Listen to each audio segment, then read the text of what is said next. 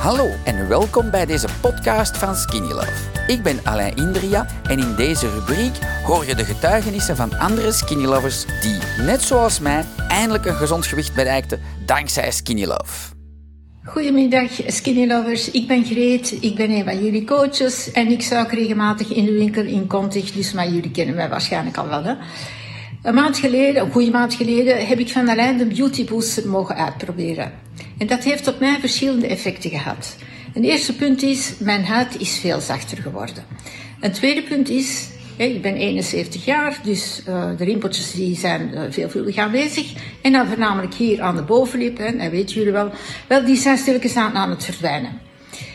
Een ander punt is dat mijn nagels veel steviger zijn geworden en minder broos. Vroeger had ik veel gemakkelijker gebroken nagels, ingescheurde nagels. Wel, dat heb ik eigenlijk veel minder. Nog een punt, mijn haar. Ik heb veel minder haaruitval en het volume van mijn haar is ook dikker geworden. Dus Greet is heel content daarmee.